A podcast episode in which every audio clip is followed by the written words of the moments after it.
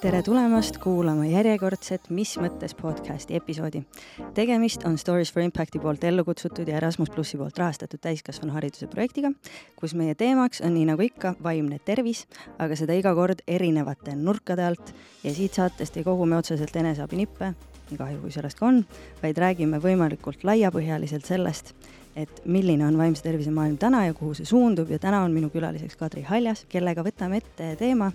kuidas ja kas on võimalik digilahenduste abil vaimset tervist toetada. tere tulemast, Kadri! tervist! suur rõõm, et sa siin oled. teen väikese tutvustuse ka sinu kohta, et oled lastepsühholoogia taustaga, oled teinud oma nii bakalaureuse kui magistri Tartu Ülikoolis ja doktorikraadi saanud Helsingi Ülikoolist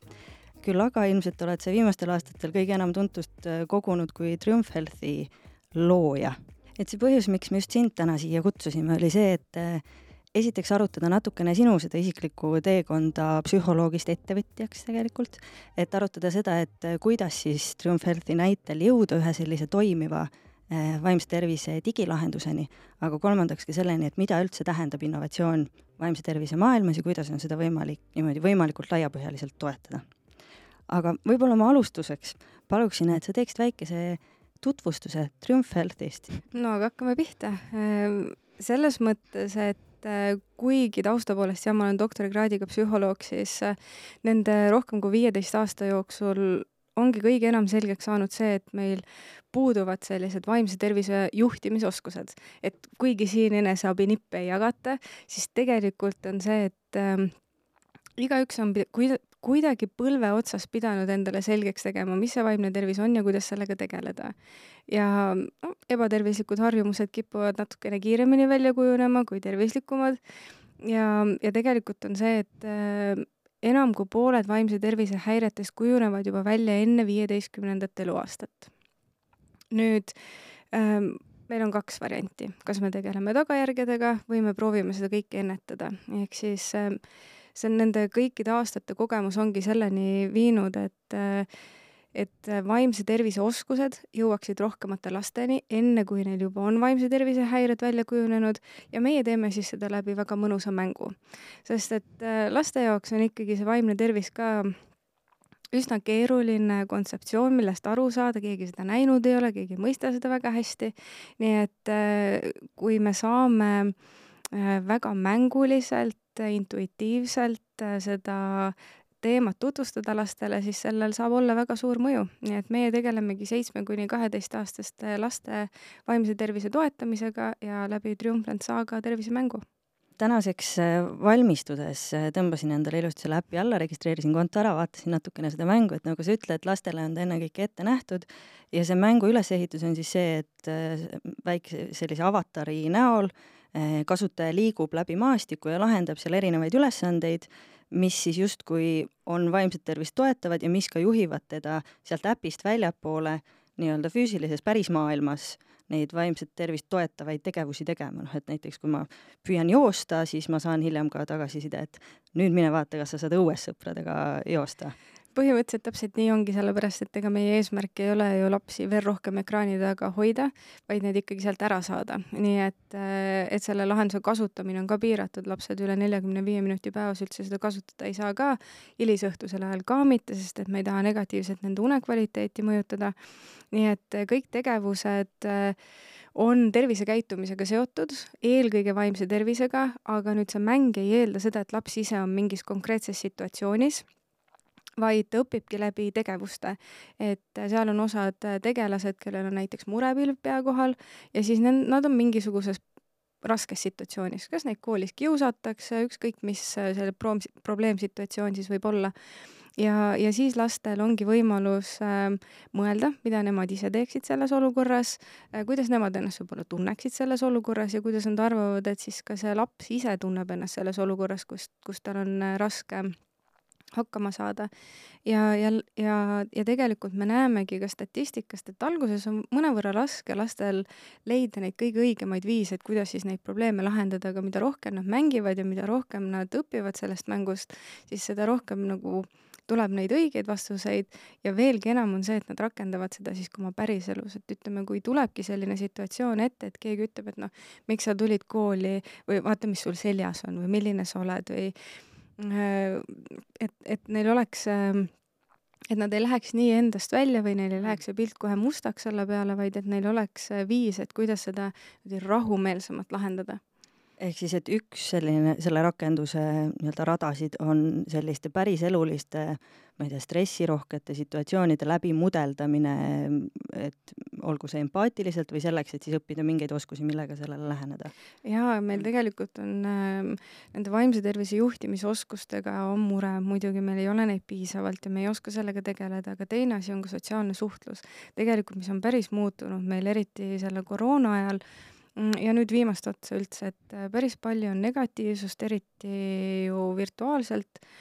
nii et äh, kõik need äh, situatsioonid ja kõik tegevused, mis selles mängus juhtuvad, on ette kirjutatud ja, ja empaatiliselt ja, ja viisakalt suheldes siis ette kirjutatud, et, et õpetadagi lastele ka tegelikult selliseid oskusi, mis on natukene meil kõigil vajaka mm. -hmm aga kui sa veel täpsustaksid, et mis need erinevad oskused on, mida lapsel selle mängu kaudu on võimalik õppida, on need kuidagi lihtsasti kategoriseeritavad ka, et kui palju neid on? Neid äh, tegelikult on äh, väga palju erinevaid, et et ähm, tegemist on, kui nüüd kujutada ette, kes mängumaailma tunnevad, on, on avatud maailmamäng. see tähendab seda, et see mäng ei ole mingi levelitega mäng, vaid sul on kogu aeg uusi asju, mida uudistada mängus. et sul ei ole kuskil mingit lõpubossi, kes tuleb ja siis on mäng läbi, vaid tegelikult ongi see, et ähm, et hästi palju erinevaid tegevusi, minimänge, ähm, siis laste heaolu toetamiseks on selle sisse integreeritud ja, ja peamine on muidugi emotsioonid, emotsioonide tuvastamine, nende emotsioonide juhtimine, aga ka sellised keerulisemad kontseptsioonid juba last, laste jaoks, et me tegeleme ju esimese-teise kooliastmega, seitsme kuni kaheteistaastased, no mis see motivatsioon on või, või mis see enesega rahulolu on? Ja, ja kuidas me saame neid asju toetada? Ja, ja, ja tegelikult ka siis äh, kõik sellised tugeva vaimse tervise hoidmiseks vajalikud äh, nii-öelda noh, mis loovad selle tugeva vundamendi, on ju tegelikult ka tervislik toitumine, nii mm -hmm. nagu mhm. vaimse tervise vitamiinid on peaasjadel, ma arvan, et need on paljudele teada, et ongi see, et me peame looma ja laduma sellise tugeva vundamendi, et siis see maja esimesel hetkel kohe suurema tuulega ümber ei kukuks, kui me kujutame ette, et me ise majad oleme. ehk siis äh, ongi liikumine ka, sa juba enne ütlesid ilusti, on ju, et tegelikult, et kui on ka liikumisaktiivsuse mängud selles, et ka erinevad takistusrajamängud ja jalkat saavad nad seal oma sõpradega mängida, et, et soovita, soovitab siis see mäng kohe ka seda tegelikult teha väljaspool mängu ja noh, meil ikkagi ülekaalulisusega on ka probleeme, lastel on palju muresid, on õlul tegelikult ei ole üldse kerge laps olla mm -hmm. praegu, nii et, et kõik, mis aitab neil tegelikult paremini hakkama saada, meil on väga palju selliseid lahendusi vaja. Aga kui võttagi üks samm tagasi, et mis sind ennast selle teema juurde tõi, et kui ma vaatan sinu hariduskäiku, siis nii bakalaureuse kui magistrikraadi juures sa keskendusid ennekõike toitumishäiretele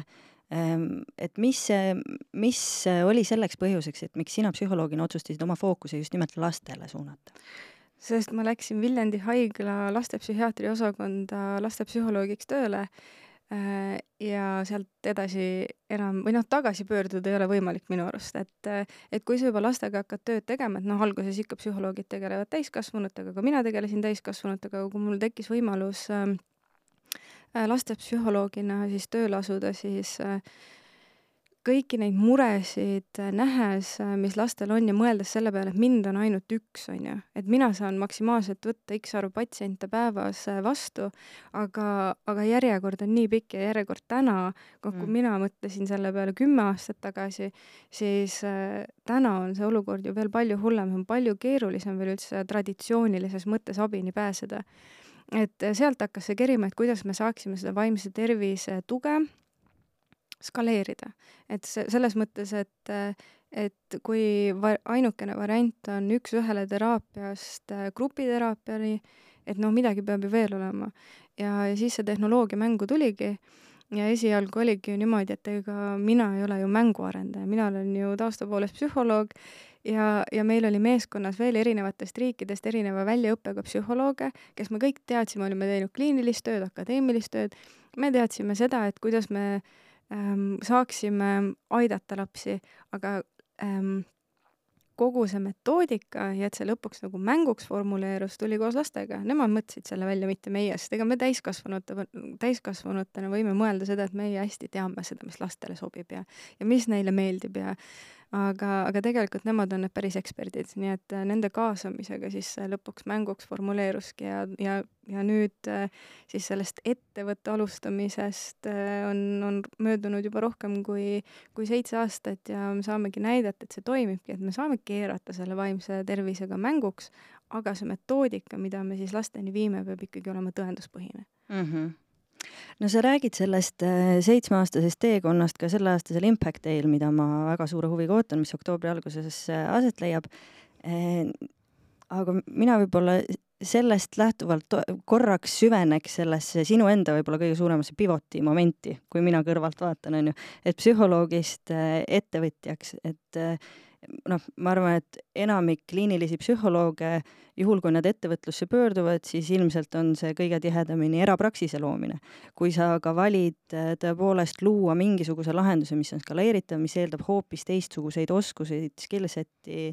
äh, kui sulle võib-olla psühholoogi haridus äh, on andnud, et ähm,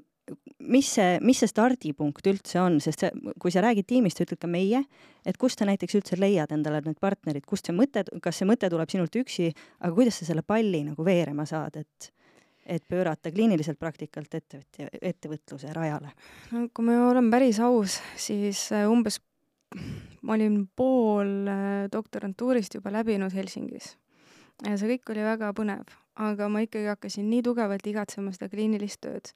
Aga olude sunnil, kuna ma soome keelt ei rääkinud sel tasemel, et ma oleksin saanud praktiseerida, praktiseerida Soomes mm, -hmm. siis ma hakkasingi tegelikult vaatama, kus ma saaksin oma ekspertiisiga panustada mõnes tehnoloogiaettevõttes, sellepärast et äh, Soomes tol ajal äh, korraldati juba väga palju rahvusvahelisi konverentse, mis olid tervisetehnoloogiale suunatud äh, ja ja ma nägin seda, et väga palju on erinevaid lahendusi, sealhulgas ka lastele, mis on ainult monitoorimiseks või noh, päeviku tüüpi, pane kirja mingisugune asi ja siis sa näed, et äh, noh, mõistad ühte või teist asja iseenda kohta paremini, aga lastele see ei toimi, et, et selles suhtes nemad tahavad kohe saada nii, noh, see on ka sotsiaalmeediaga samamoodi, et nad on harjunud kiiresti kohe saama infot, kiiresti kohe saama nagu midagi välist motivatsiooni juurde, onju et äh, siis olude sunnil tuli mul lihtsalt endal ettevõte asutada, sest mitte midagi sellist, äh, kus, mis oleks minu silma särama pannud tehnoloogia vaatest ei olnud. ja siis ma paningi tiimi kokku, et, et selles mõttes, et äh, tiim äh, oligi alguses tegelikult ainult vaimse tervise spetsialistidest koosnev, sellepärast et me pidime saama selle metoodika kõigepealt paika mm. -hmm ja siis me õppisime seal kõik veel koodi kirjutama ja, ja siis me õppisime, kuidas prototüüpida ja igasuguseid teenusdisaini asju. et, et esialgu meil ei olnud üldse arendajaid meeskonnas niimoodi, et me pidime niimoodi põlve otsas ka natukene ise hakkama saama, et meil oleks lastele midagi näidata Need esimesed versioonid näiteks, mida me lastele näitasime, oli meil lihtsalt joonistatud paberi peale, mis oli siis äh, viidud ühe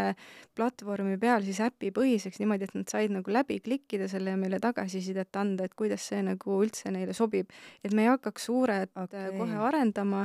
vaid et meil oleks võimalik tegelikult laste käest saada tagasisidet ja sisulist tagasisidet nagu just selles osas, et äh, mis neile sobib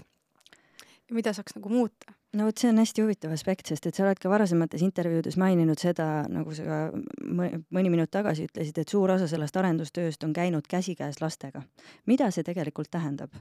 no vot, ma tahaksin, et see oleks täiesti tavapärane asi ja kõik mõtleksid seda, et ja kõik saaksid aru sellest, et et kes iganes on su lahenduse lõppkasutaja, on ta laps või eakas või ükskõik kes, et sa tegelikult kaasad neid sinna protsessi. sellepärast, et me kipume eriti vaimse tervise teemadega on niimoodi, et et kui meile midagi sobib, siis me arvame, et teistele ka sobib, et noh, mind ju aitas mingisugune asi, mingisugune metoodika, et ju ta sobib teistele ka. ja siis hakatakse kohe hästi kiiresti arendama valmis igasuguseid äh, erinevaid äh, põnevaid lahendusi ja noh, teinekord võib selgida, sel-, nagu selgineda ja, ja selguda, et, et võib-olla tõepoolest on see vaimne tervis nii individuaalne, et see ei sobi kõigile, on ju, et meie koondame hästi palju erinevat metoodikat, laseme lastel ise valida et kuigi meie oleme seda sisuliselt kõikide aastate jooksul teinud ja, ja erinevatest kultuuriruumidest lapsi kaasanud ja, ja teinud tõesti selgeks selle, et, et nende hääl oleks kuulda ja oleme panustanud ka sellisesse Designing for Children's guide'i loomisse siis, et kõiki eetilisi ja muid printsiipe nagu vastu äh, või arvesse võtta, kui lastele midagi disainitakse, aga tihtipeale me teeme seda paberil. Mm -hmm.. tihtipeale juhtub see, et et, et me küsime tagasisidet, mis on hästi suunatud tagasiside, et no on ju sulle meeldis ja on ju sa tahaksid veel seda või, või no ühesõnaga, et, et tegelikult see laste kaasamine või ükskõik kelle kaasamine peab olema neutraalne ja sellest peab päriselt ka järeldusi tegema. et noh, ega me kõike ei saa arvesse võtta, mingil hetkel olid kõik zombimängud olid hästi populaarsed ja siis äh, laste puhul oli äh, päris tihti tuli seda tagasisidet, et ei, zombisid on vaja, on ju, mingisuguseid tapmise asju oleks näiteks vaja sinna sisse, on ju, sest et nad olid harjunud selliseid mänge tol hetkel mängima, aga meie lahendus on vägivallavaba ja noh, me ei saa nagu kõike on ju integreerida, mis, ähm, mida lapsed tahavad, aga teiselt poolt näiteks sõjale vastusena oli niimoodi, et kui enne sõda toimus kogu tegevus siis Triumphlandis linnakeskkonnas, sa alguses ka ütlesid, on ju, et oled sellises looduskeskkonnas, liigud seal ringi ja vaatad ja selline slow gaming või aeglase mängimise mm -hmm. kontseptsioon tegelikult, on ju aga, aga enne toimus tegevus linnas, et, et kogu see keskkond oli linnakeskkond ja, ja siis ühel hetkel ju sõjale vastusena lapsed ei tundnud ennast linnas enam turvaliselt ja me tegime kõik ümber, on ju. et aga teine asi on see, et kõik need loodushääled Äh, need, seal on igasugused linnud ja liblikad erinevates kohtades, äh, mida sa saad vaadata ja, ja, ja, ja mille, kellega sa saad koos olla. et tegelikult äh, teadusuuringud näitavad, et ka digitaalne looduskeskkond aitab, et sa ei pea olema, eks meie, meie Eesti laste puhul on mure, nad natuke kardavad metsa. Ja siis me tahtsimegi tegelikult ka seda, et näidata, et see võib olla ka, ei pea olema täis padrik, on ju, selline mingi hirmumets, kus on ainult kollid vaid, vaid saab selline väga mõnus koht ka olla, et nagu tutvustada rohkem neile seda äh, positiivset poolt, mis loodus nagu anda saab. aga kas on tõesti nii, et tänaseks Eesti lapsed pelgavad äh, metsa? uuringute järgi pelgavad, jah. okei okay aga võtan sellest uuringu äh, sõnasabast kinni, et see tõenduspõhisuse aspekt sellise digilahenduse loomisel on hästi oluline ja samas selge see, et sa võistled ka väga paljude rakendustega, millel pole teadusega mitte mingisugust pistmist, on ju. Ehm, et millistes aspektides te olete teadust äh, rakendanud, sest sa oled öelnud, et noh, tänaseks te ikkagi mõõdate küll neutraalselt, aga ennekõike kasutajate tagasiside alusel. aga millised uuringud on veel olulised olnud selle lahenduse väljatöötamisel? Äh, kõige tähtsam, äh, kui, kui kellel, kellelgi nüüd tekib tunne, et et võib-olla tõesti saaks tehnoloogia aidata vaimse tervisega äh, mingis suunas nagu paremuse poole liikuda, siis väga tähtis on see, et see alusolev metoodika on tõenduspõhine. sellepärast, et noh, ma ei ütle seda, et teadus sai mingi tuhat üheksasada üheksakümmend otsa ja kõik, kõik muud metoodikad, mis tulnud on, mis on uuemad, et need kindlasti ei toimi. Mm.. Äh, teadus liigub ju kogu aeg edasi, aga lihtsalt, et, et me teame, et need äh, praktikad, mis toimuvad, toimivad kliinilises töös, mis on, mis on tõesti ka teadusuuringud on taga et alustada tegelikult ikkagi nendest, mitte sellest, et, et rääkida seda musta valgeks võib-olla või, või noh, on väga palju alternatiivset ka ja inimesed otsivad väga palju alternatiivset, sellepärast et teinekord tõenduspõhiste metoodikatega võib see olla, et et inimesed kardavad seda sellepärast, et see on see commitment või see, et sa pead nagu pikalt, et see on nagu justkui väga pikk maraton, on ju, mida sa pead mm -hmm. tegema selleks, et vaimne tervis paraneks aga, aga see ei käigi juhuslikult ja sellega tulebki strateegiliselt tegeleda. ehk siis kõige esimene asi on see, et metoodika, see, et ei saa see, see, et sa käid ühe korra kuskil või, või teed ühe mingisuguse viieminutilise meditatsiooni läbi või kaheminutilise, sellepärast et noh, nüüd on kõik nagu nii lühikeseks läinud et sellest ei piisa, sellest, sellest peab saama harjumus ja, ja kõige parem oleks, et harjumus saabki siis sellest tõenduspõhisest metoodikast, et sellest, mis äh, on paljusid aidanud, aga igaüks peab lõpuks leidma ikkagi selle, et mis talle sobib mm. -hmm. et, ähm, et see, see oli nagu meie puhul ka kõige esimene asi, et kõik äh, metoodikad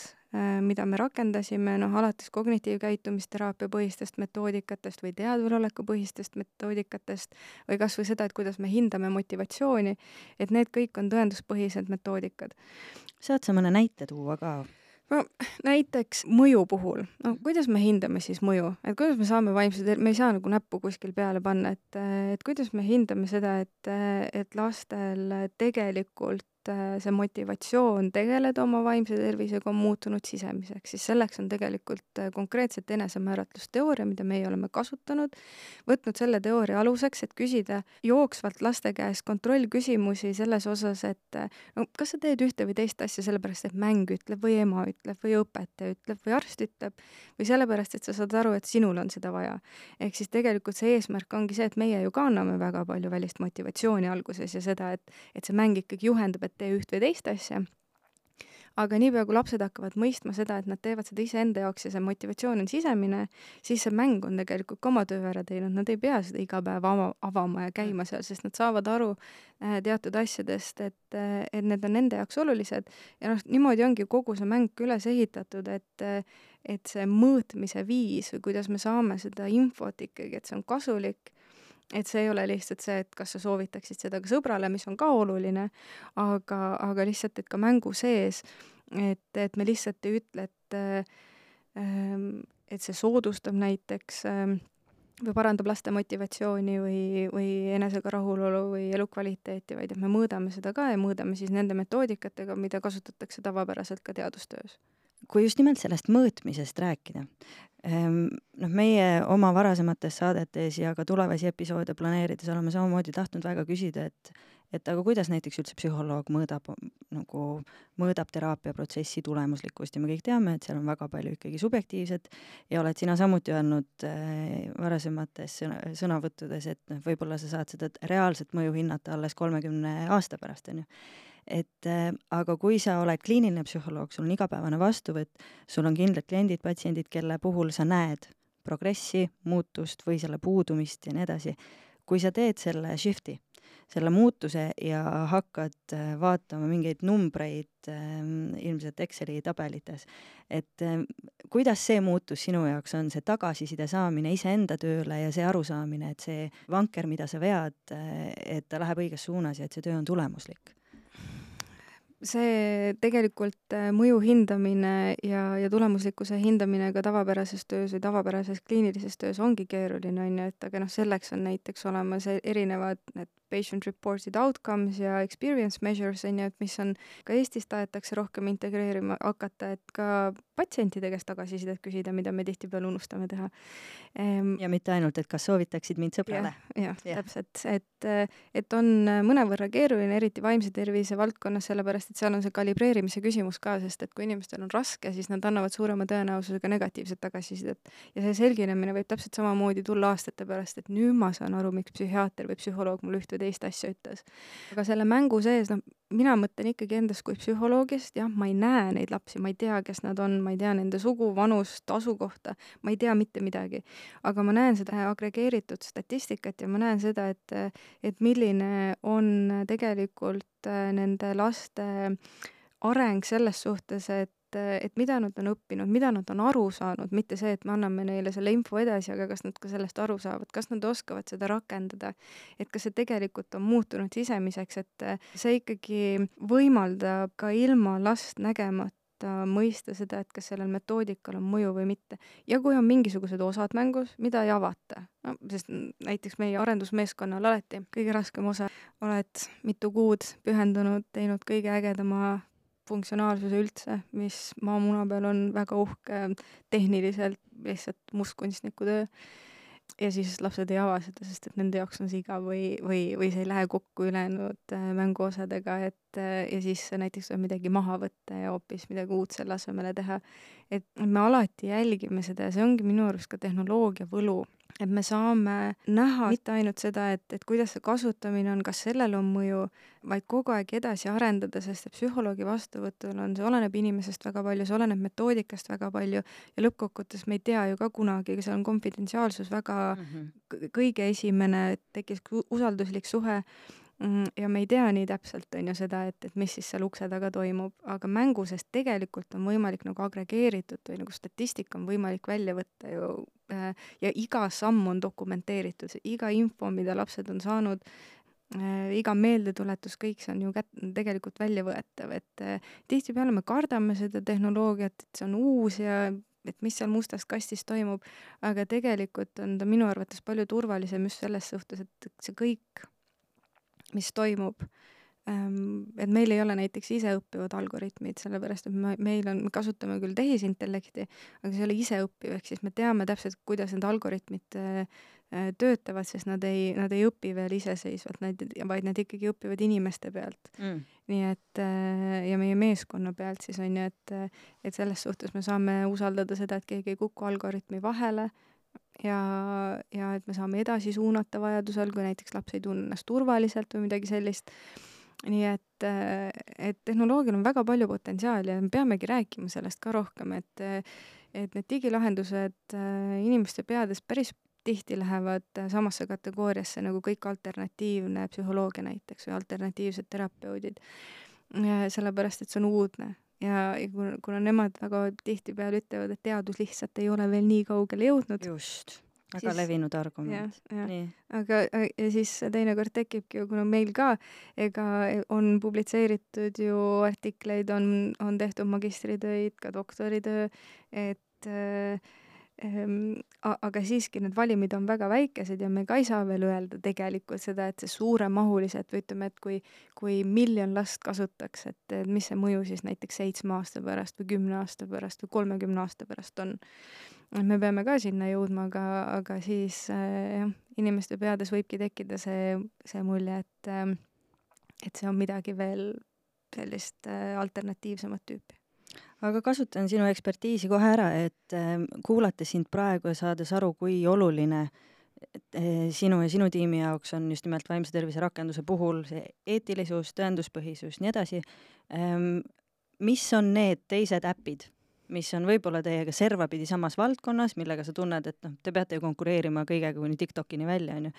aga et võib-olla ka on spetsiifilisemaid äppe, millel võib-olla läheb väga hästi, aga mille puhul sina näed, et see on noh, borderline, ma ei taha öelda kuritegelik, sest muidu ma olen sulle sõnad suhu, aga et mis ei jälgi võib-olla nii täpselt tegelikult seda kasutaja heaolu ja parimaid võimalikke praktikaid selleks, et seda kasutajabaasi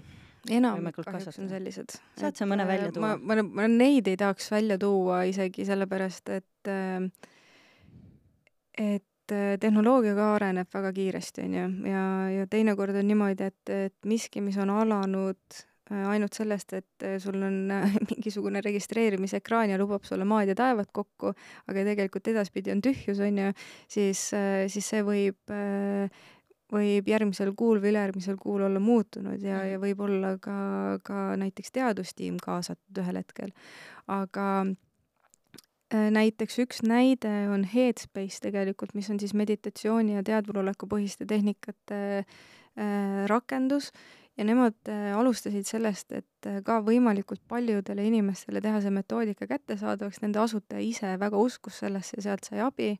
ja, ja nemad tegidki siis kohe selle nagu lõppkasutajale kättesaadavaks, enne kui nad tegid mingeidki kliinilisi uuringuid. tänased nende kliinilised uuringud näitavad, et agressiivsus on vähe, neil on miljoneid kasutajaid, on ju.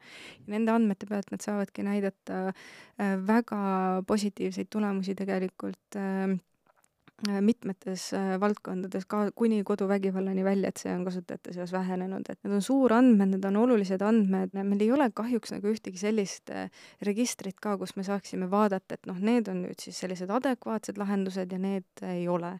sest need, kes teevad kõige rohkem turundust, tavaliselt on sellised, mis on veel nagu kipuvad tühjad olema, sest müüakse ette juba mm. -hmm. Et, et et ikkagi tasub ise läbi katsuda ja läbi vaadata ja, ja, ja mõelda, kas see üldse sobib või mitte, kindlasti on seal nagu teisi lahendusi ka siis, mida proovida, et kui võib-olla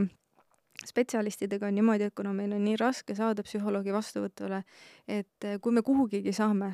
pärast seda poolt aastat või aastat, siis noh, me hoiame kümne küünega kinni, siis äppidest ei pea hoidma. et kui sulle ei sobi see, siis vaata midagi muud mm. -hmm. et see mhm. on nagu väga hea ja võimestav minu arvates, et sa ei, ei pea kartma, et, et see on su ainuke variant, tegelikult vaimse tervise rakendusi just täiskasvanutele suunatud rahvusvaheliselt on palju, eesti keeles muidugi äh, noh, mina nimetan ka peaasju ikkagi vaimse tervise innovaatoriteks nagu sellest vaatest, et nad on ikkagi ka väga tugev äh, virtuaalne komponent on nende äh, kogu tegevusel ja nad jõuavad palju rohkemateni sellega, et neil on niivõrd palju nagu avatud ressursse aga kui üldiselt äh, äpid kipuvad inglisekeelsed olema, et sellega mm -hmm. tasub arvestada, et isegi kui neid on ja on kasulikke, siis nad tõenäoliselt on inglise keeles. ja see on vaimse tervise valdkonnas äärmiselt oluline vahe, on ju, et kas ma saan suhelda või suhestuda selle äpiga ja läbida seda teekonda selles keeles, milles ma mõtlen või selles, mille ma olen selgeks õppinud, isegi kui ma räägin seda väga hästi, on ju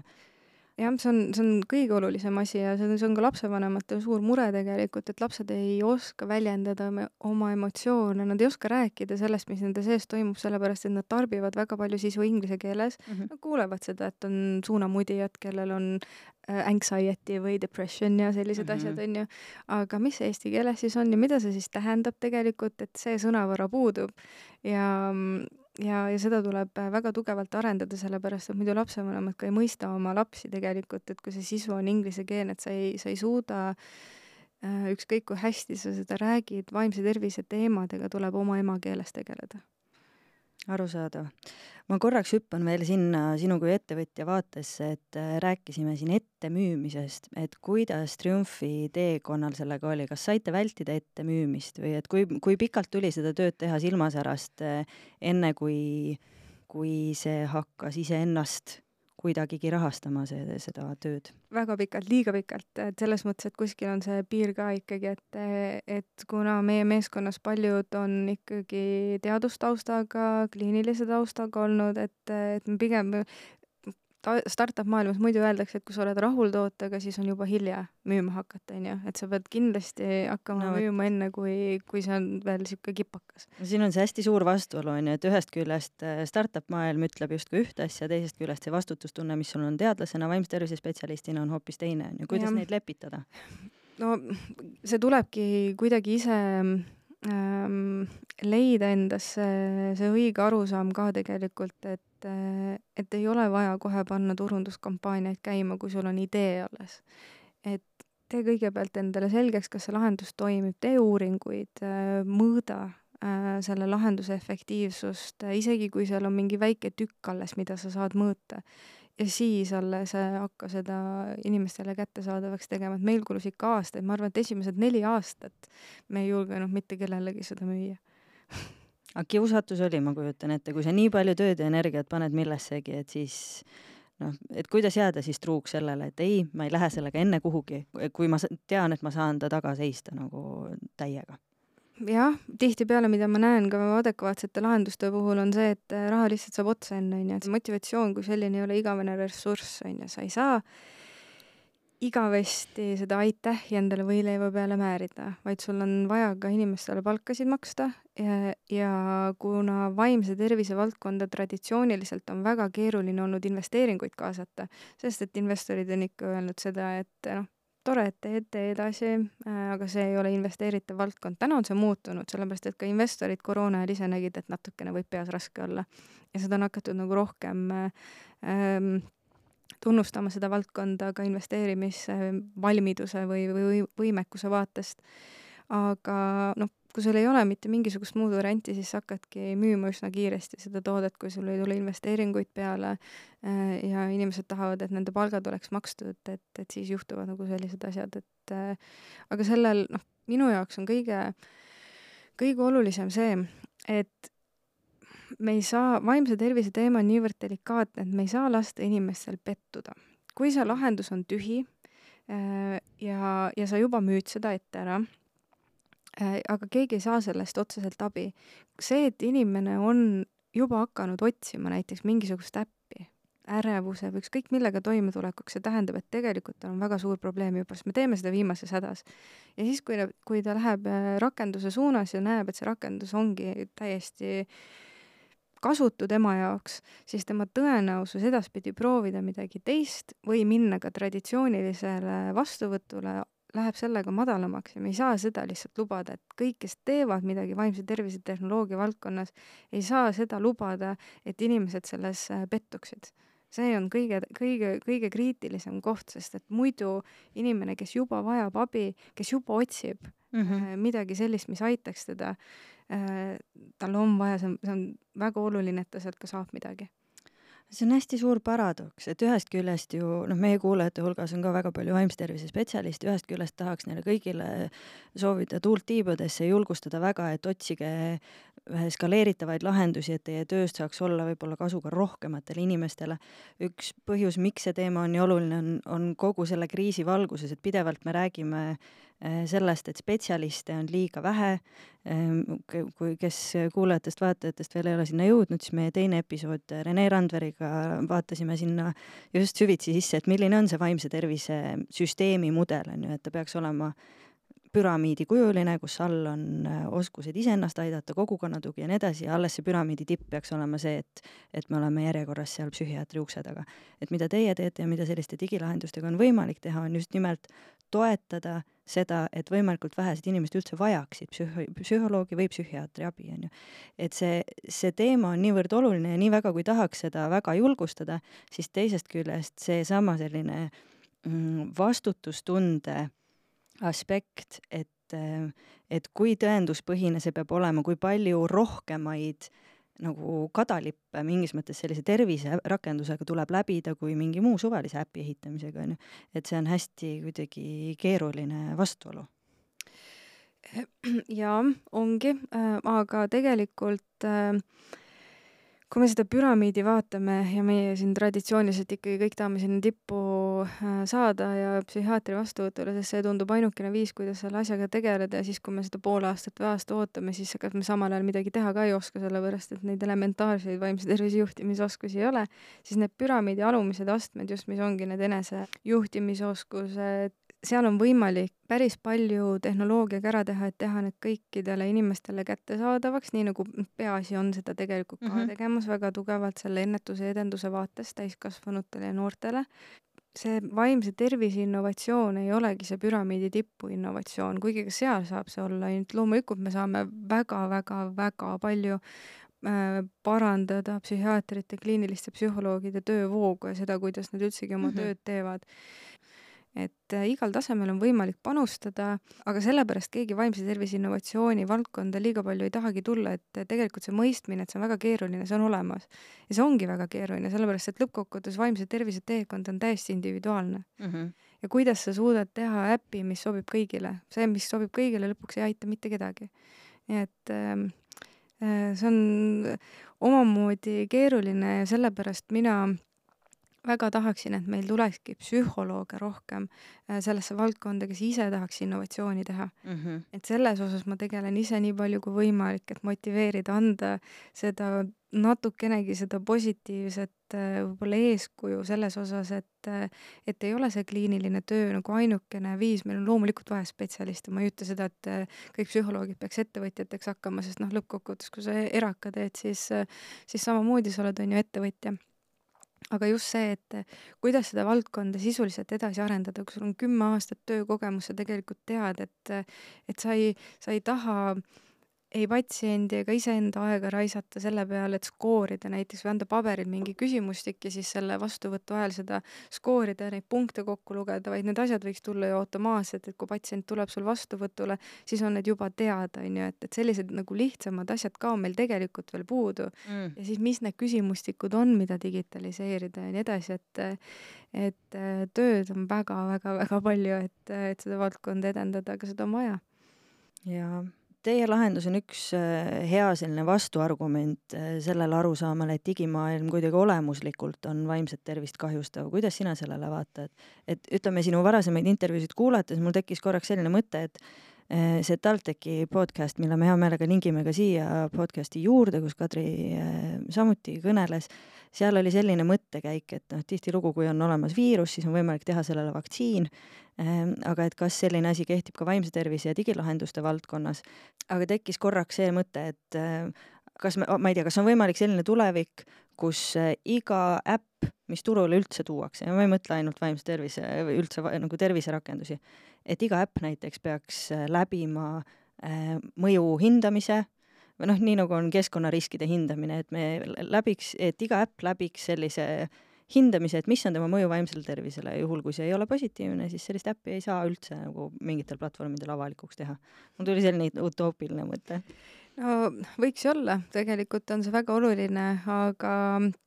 aga siin on jällegi ka see koht, et äh, meil on väga palju erinevaid äh, spetsialiste ja erinevaid koolitusi läbinud äh, inimesi, kes on väga head turunduses ja kui, kui nende rakendus peaks inimesteni jõudma, siis seal võib olla hoopiski niimoodi, et, et lihtsalt, et, et selleks üldse, et kasutada saada, et pane, pane viis tärni ja tee seda ja teist ja kolmandat asja ja ütle, et see aitas su vaimsele tervisele ja, ja nii edasi, et et see peab olema ikkagi adekvaatne tagasiside või adekvaatne mõju, on ju, et, et mida me saame nagu neutraalselt äh, äh kaardistada, et, et teinekord, kui me lihtsalt ostame review sid või, või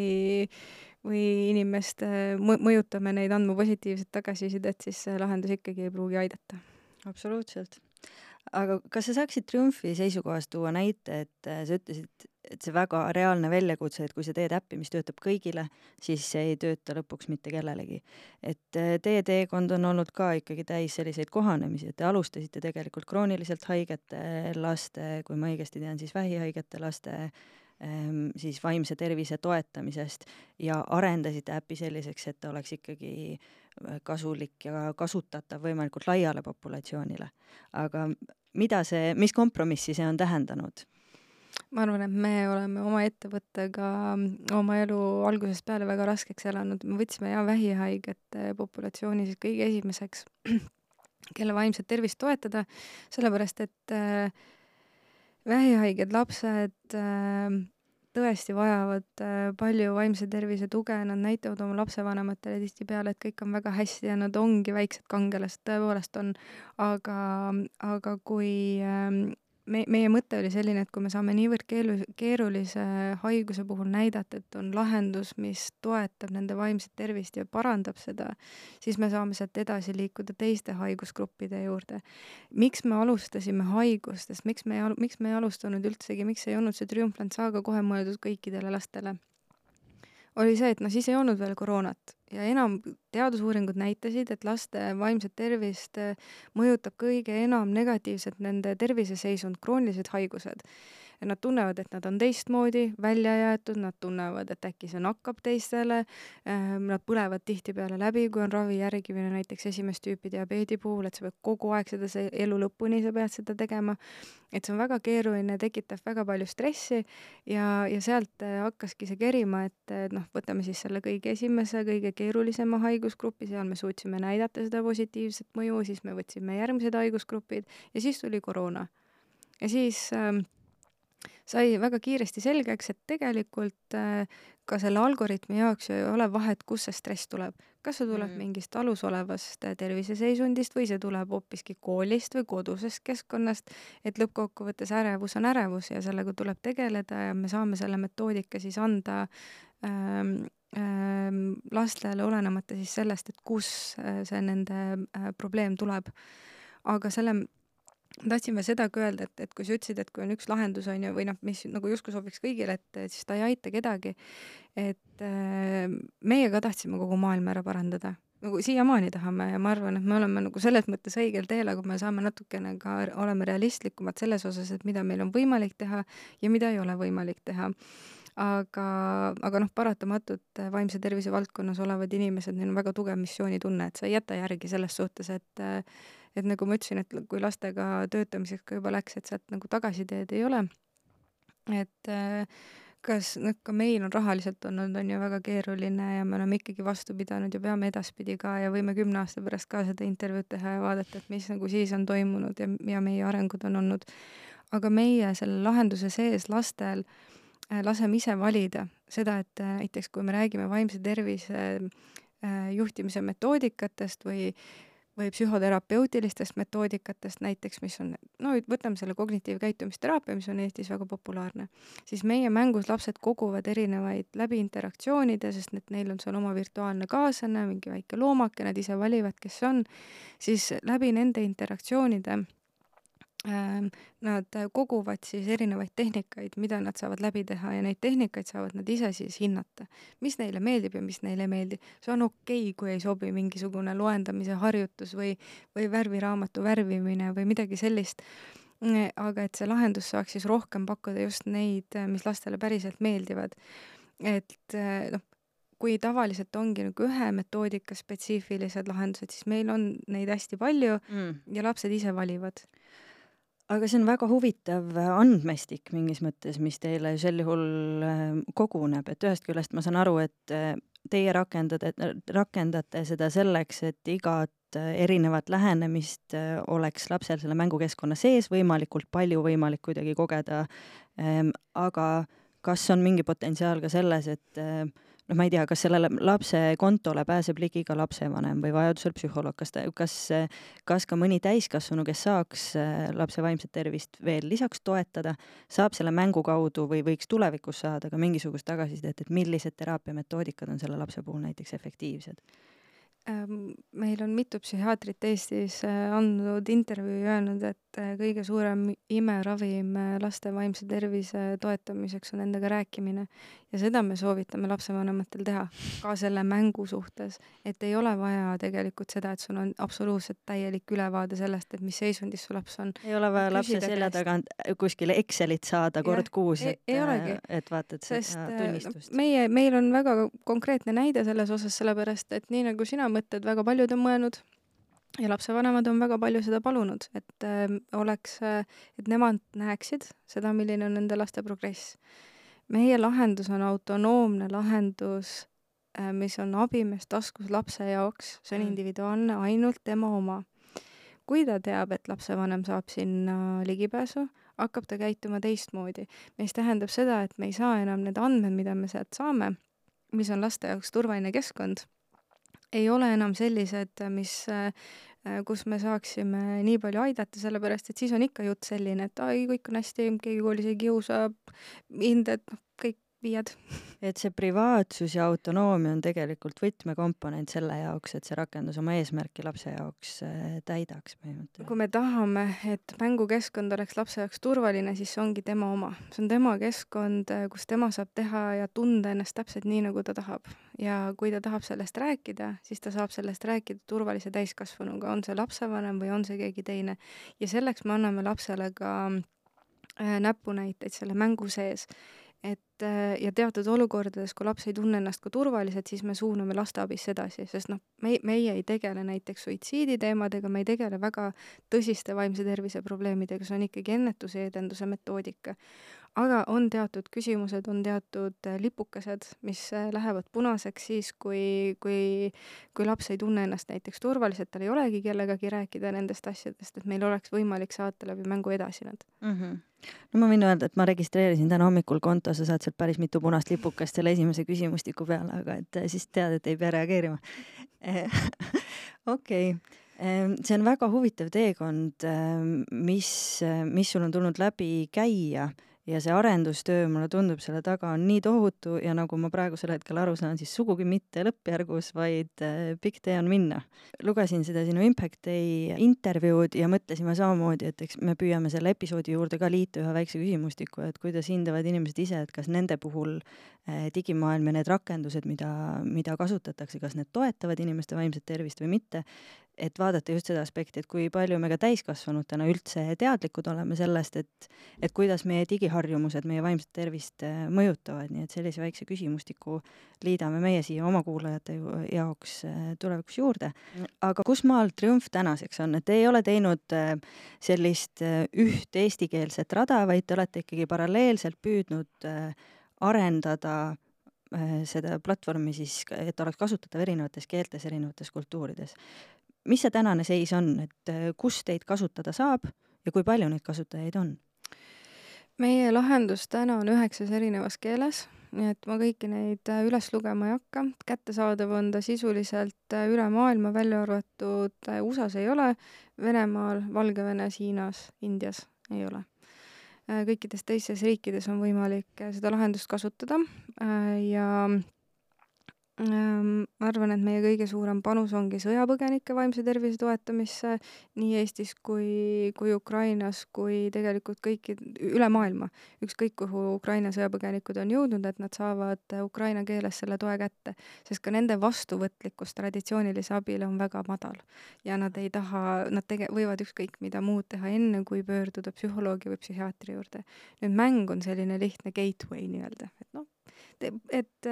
et ei saagi nagu hästi aru, et, et see on vaimse tervise toetamiseks, aga õpid nii mõndagi. nii et, et üldiselt on ta üle maailma äh, kättesaadav, aga meil on oma kindlad riigid siis, kellele me keskendume või et meil on ikkagi Euroopa kõige tähtsam ja tegelikult on meil muidugi Eesti kõige tähtsam, sellepärast et see on kõige enam on Eesti lapsed tegelenud selle kogu selle arendus- või, või disainiprotsessiga ja sellega, et see oleks Eestis äh, nende jaoks võimalikult kasulik mm,. aga, aga jaa, noh, kõik ikkagi Ukrainaga piirnevad riigid, aga ka Prantsusmaa, Hispaania ähm,, Moldova, rumeeniakeelne on ka see lahendus, et, et noh, riigid tegelikult, äh, me ise oleme näinud, et äh, kõige suurem mõju äh, saab olla sellel lahendusel riikides, kus sul ei ole alter-, alternatiiv, on vaimse tervisega mitte tegelemine ja, ja selle ignoreerimine. ja see mäng saab olla siis tõesti see esimene viis sellele teekonnale minna, et üldse hakata aktsepteerima, et see mm -hmm. vaimne tervis eksisteerib. ja lastevanematele siis samamoodi, et kui on ikkagi seda stigma nii palju, et sa tunned, et ei, minu laps ei ole hull, et minu laps ei peaks minema ühe või teise spetsialisti juurde, siis mäng on ja selline lihtsam asi, et noh, mängida ju ikka võib erinevaid mänge ja me ütleme ka, et see on õppemäng mm, -hmm. nii et, et niimoodi on natukene lastevanematele ka vastuvõtlikum see, see seis, et noh, tegelikult on vaja ja tegelikult ei peaks keegi tundmagi seda, et et noh, just see hull või, või mingisugused sellised nagu väga stigmatiseeritud sõnad ja, ja meelelaad, mis meil on, et äh, me peaksime need minevikku jätma aga seda stigmat arvestades, eriti noh, tundub, et Eestis on see progress olnud eriti viimastel aastatel ja kindlasti suuresti Covidiga seot-, seoses äh, väga kiire, see vaimse tervise ähm, ja eriti noorte puhul vaimse tervise väljakutsete teadvustamine ja neile tähelepanu pööramine. aga kui sa räägid, teil on paralleelis ka riigid, kus äh, nagu sa ütled, alternatiiv on vaimse tervisega mitte tegeleda mm,. kuidas te oma kasutajani jõuate, et kas, kas seal on mingid olulised partnerid, on seal haiglatel, koolidel, kellelgi veel mingisugune roll mängida või on see nii, et te olete lihtsalt App Store'is ja ja no esiteks ükski laps ei lähe otsima App Store'ist äh, mingit vaimse tervise rakendust, mitu, vahet ei ole isegi, kui ta vanemad on, äh, üks on psühhiaater ja teine on psühholoog ja ainult iga õhtu õhtusöögilaua jutt on emotsioonidest, siis ta ei lähe seda tegema. Äh, aga just eriti sellistes arenguriikides ja riikides, kus on väga kõrge stigma, siis partneriteks ongi erinevad mittetulundusühingud või erinevad äh, mm, vanemate organisatsioonid või erinevad ikkagi sellised ökosüsteemi mängijad, kes saavad aidata sellega, et mm, et see lahendus lasteni jõuaks ja see, ja sellistes riikides ei ole see ka lapse, lastevanematele tasuline, vaid see on tasuta kättesaadav läbi siis erinevate nende äh, projektide, mis meil laual on, et me saaksime ikkagi lasteni jõuda, äh, et neid saaks koolis ka tegelikult rakendada. nii et äh, üldiselt see väga oleneb riigiti et on mingi e Eestis äh, juba üha enam saab äh, populaarsust ka see, et äh, me ei pea ainult läbi koolide, noortekeskuste, kohalike omavalitsuste jõudma kasutajateni, vaid lapsevanemad ise ka saavad seda subscription'it ju või tellida seda lahendust nii-öelda oma lapsele, et ka kodus oleks vaimse tervisega mm. tegelemine sellisem sisukam nii et, et täitsa oleneb, aga Eestis on tõesti, need arengud on väga positiivsed olnud, me saame aru sellest, et vaimne tervis on oluline, aga tegeleda me ikka väga hästi ei oska jaa, mõistan.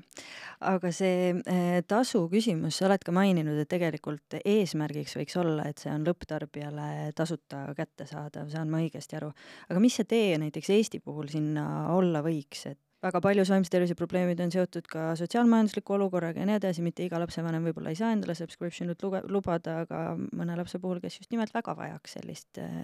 sellist alternatiivset mängustatud lahendust. see on meie meeskonna kõige raskem küsimus olnud, sellepärast et me teame seda, et madalama sotsiaalmajandusliku seisu korraga peredes ja, ja madalama haridustasemega perekondades, kus ei tunnustata veel seda vaimse tervise teemat, neil tegelikult oleks seda kõige rohkem vaja, aga nad ei ole kindlasti need, kes oleks võimelised selle eest maksma. ja, ja need lapsevanemad, kes ka profülaktika mõttes käivad oma last, lastega näiteks kliinilise psühholoogi juures lihtsalt, et et, et arengut maksimaalselt toetada, nemad loomulikult kasutavad ja ostavad mm -hmm. ka sellise lahenduse litsentsi aga aga see eesmärk meil on alati see, et äh, meil on vaja, et riiklikult oleks erinevaid metoodikaid, mis on lastele ligipääsetavad. see, et me ütleme, et kui on kuskil poster seinal, et nüüd ma ei tea,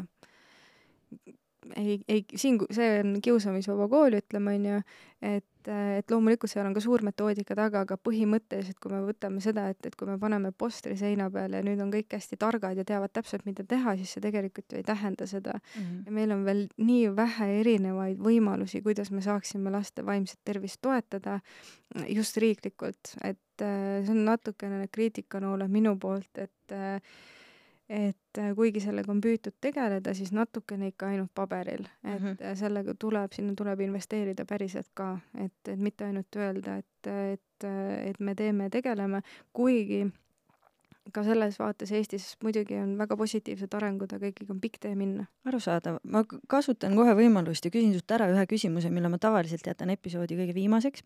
Eh, see sai meil alguse Kene Vernikuga unetervisest vesteldes, aga ma olen seda küsinud igalt meie saatekülaliselt. mulle tundub, et siin meie tänases vestluses ma ei peaks seda jätma mitte lõppu, vaid küsimagi siin, et kui eh, Kadri Haljas oleks vaimse tervise minister Eesti Vabariigis, oleks selline ametikoht ja tal oleks igasugune autonoomia, ütleme siis näiteks vaimse tervise innovatsiooni valdkonnas, viia sisse muudatusi. mis on need kõige olulisemad muudatused, mille, mida sa pead tähtsaks, et need juhtuksid kiiremini, kui nad selgelt praegu juhtuvad? kui Kadri Aljas oleks vaimse tervise minister, siis ta pööraks vaimse tervise püramiidi nii, nagu ta peaks olema. ehk siis, et see, täpselt see psühhiaatriline abi, Äh, mis tegelikult peab olema see kõige viimane äh, äh, koht, et esimesed sammud oleks kaetud mm -hmm. ja tegeleda sellega, et investeerida sellesse, et, et inimesed saaksid iseendaga paremini hakkama ja et nad leiaksid iseendas jõu, et tegeleda nende teemadega ja et see kujuneks harjumuseks, nii et ma, ma kindlasti võtaksin endale selle eesmärgi, et et, et see püramiid oleks nii, nagu, nagu ta pildi peal on, mitte täpselt äh, pea peal. aga kui me räägime sellest, et kuidas riik saab äh, veel toetada ähm, innovatsioon, ütleme siis jah, innovatsiooni toetada ka tervise ja vaimse tervise valdkonnas, mis on need edasiminekud, mida sa siin näha tahaksid, sest et noh, nagu öeldud, et äh, iga selline väike sekkumine ja mitte, et ma tahaks sinu ettevõtmist väikseks nimetada, aga et äh, iga selline üksik sekkumine on ju tegelikult äh, ka püüe luua mingit suurt muutust. et millisele suurele muutusele sa Triumfiga tegelikult äh, pinnast lood ehm,? tegelikult ikkagi sellele, et üldsegi turg tekiks, riiklikult ka, et me rahastaksime Äh, päriselt ja sisuliselt erinevaid metoodikaid, sellepärast et kui me elame sellist projektimajanduse elu, siis äh, kui, kui üks mingisugune väga kihvt metoodik, ütleme,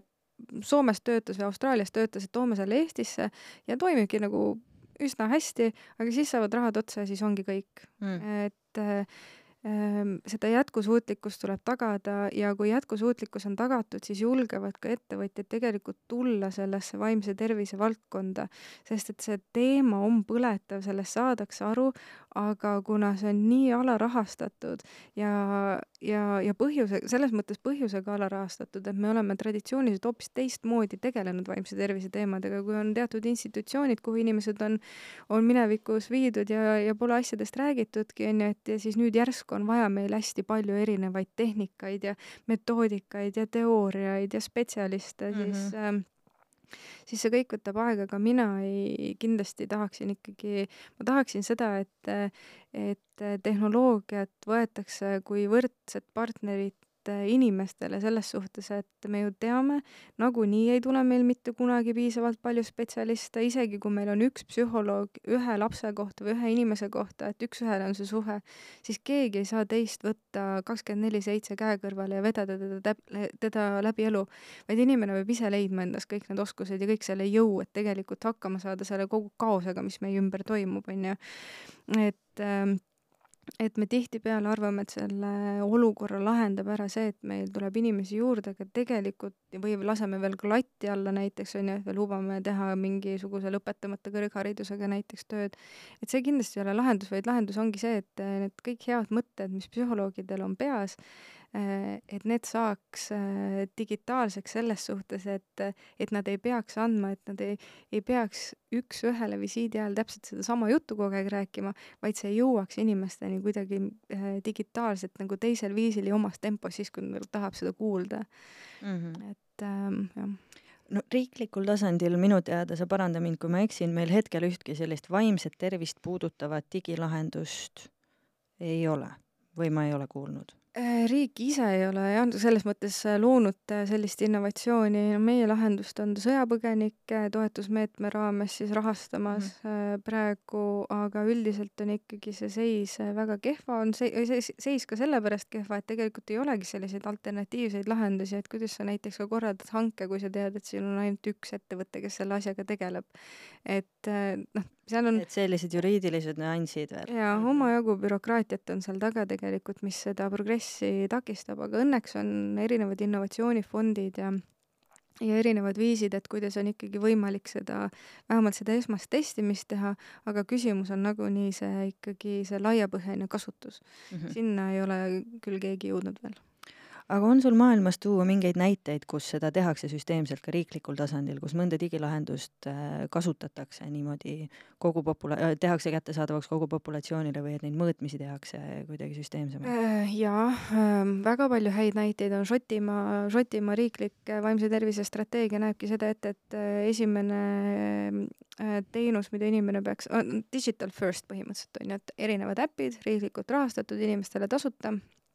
kõigepealt kasutavad neid, sealt edasi siis, kui jääb väheks, siis on järgmine samm ongi sellised noh, meie, meie tüüpi sellised vaimse tervise õed äh, ja siis sealt edasi sellisesse eriarstiabisse on ju, aga selline samm-sammuline lähenemine ja väga mitmeid äppe on, mida nad kasutavad, ongi ka uneteemad on, äh, on ähm,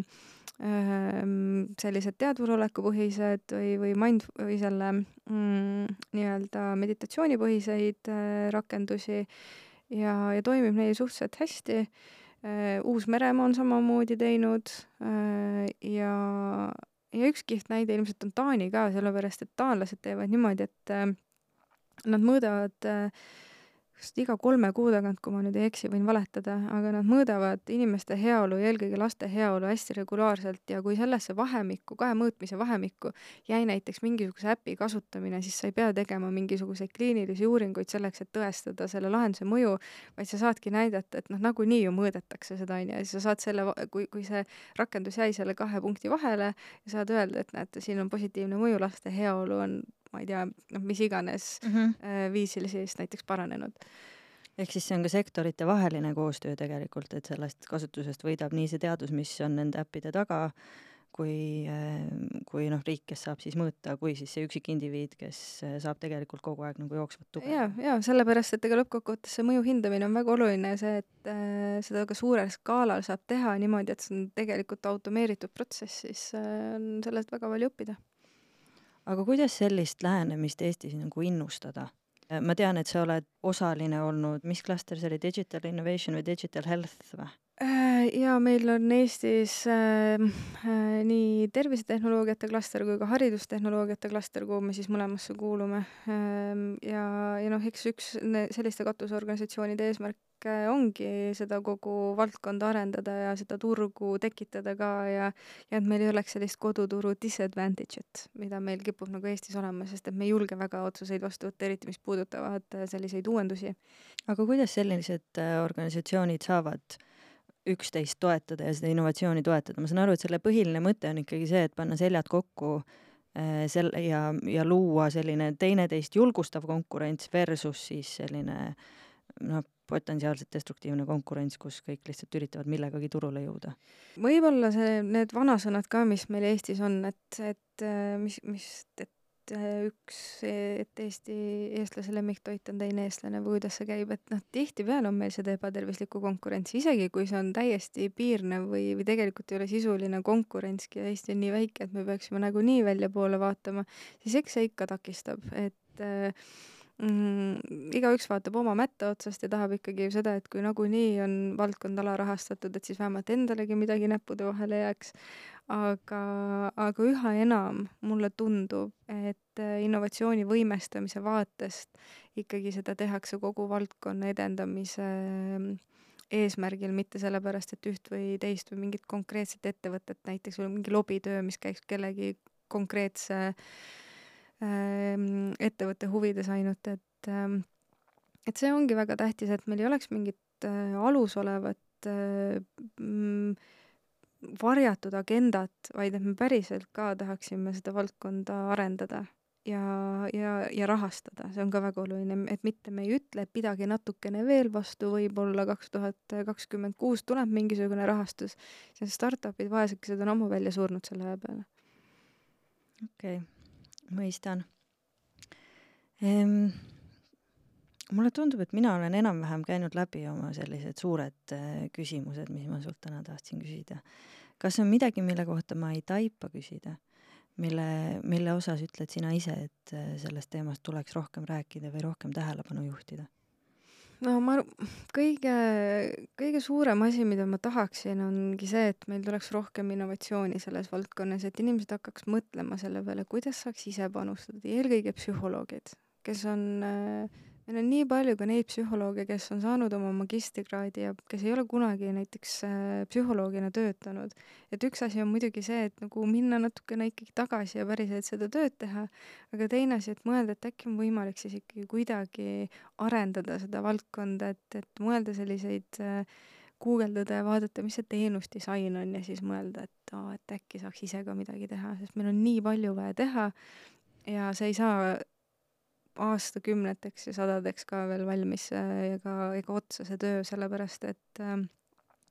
inimeste vajadused arenevad nii kiiresti äh, ja kogu aeg tuleb selle kõigega kaasas käia ja kohaneda, nii et äh, lihtsalt äh, ma jah, loodan, et,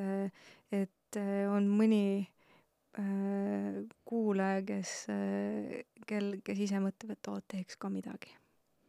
no see on suurepärane soov ja soovitus, et, et me kõik saame pöörata tähelepanu, olgu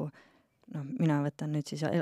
valdkonnavälise inimesena, on ju, et pöörata tähelepanu ähm, sellele püramiidi alumisele astmele nii-öelda, sellele, et me kõik võimalikult palju panustaksime sellesse,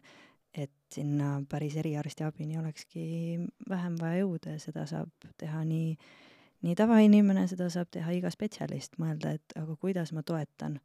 inimeste toimetulekut, kuidas ma, kuidas ma saaksin oma praktikat muuta nii, et see oleks kuidagi ennetav. ja võib-olla saan ma üldse mingi teise nurga võtta oma, oma töös, et, et oma mõju nagu skaleerida, on ju. aga alustades iseendast, sest tühi kott äh, püsti ei seisa nii on. Äh, mina küsiks veel lõpetuseks, kas on mõned teised äh, sellised ettevõtmised äh, Eestis, kes, kellega sa tunned sellist vendlust, kes ajavad võib-olla sarnast asja ja kellele sina kaasa elad või kellele teie Triumfi tiimiga kaasa elate?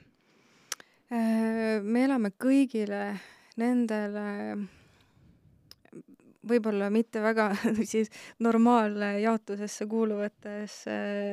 ettevõtetesse, kes hariduse või tervise valdkonnas toimetavad. kõik, ähm, ma elan kõigile kaasa ja me elame kogu meeskonnaga kõigile kaasa, sellepärast et need on kaks niivõrd traditsioonilist valdkonda, kus muutust luua, et kui seal suudetakse startup'i teha ja mitte ainult pool aastat proovida, vaid pikema ajaga, siis äh,, äh, siis äh, kõik nad on väärt, et pöialt hoida aga noh, et meie ikkagi tunneme seda, et äh, haridusvaldkonnas eriti, et, et meie mäng ja üldsegi vaimne tervis loob selle baasi, et hariduslikke eesmärke ka saavutada ja lapsed oma arengulisi eesmärke üldsegi saavutaksid. siis on hästi kihvt äppe, mis on mõeldud just tulevaste inseneride väljaõpetamiseks, üks nendest on üks Tartu ettevõte Practical näiteks, kes on, teevad õppekomplekte, mis on hästi kaasahaaravad, mida saavad kasutada, mida saab kasutada tundides ja saab kasutada kodus ka, et, et see on hästi lahe. ja, ja tervise vaatest on meil ka selline, selline seis, kus vaimse tervise teemasid küll liiga palju ei puudutata Eestis, Ähm, aga ikkagi mõned, äh, mõned tulevad peale ja mõned on juba pikemat aega olnud ja näiteks Minudoc, üks ettevõte, kes äh, teeb virtuaalvisiite, nendel näiteks on äh, võetudki praegu puhtalt ainult vaimse tervise fookus ja tegidki ka pivoti ja on, on,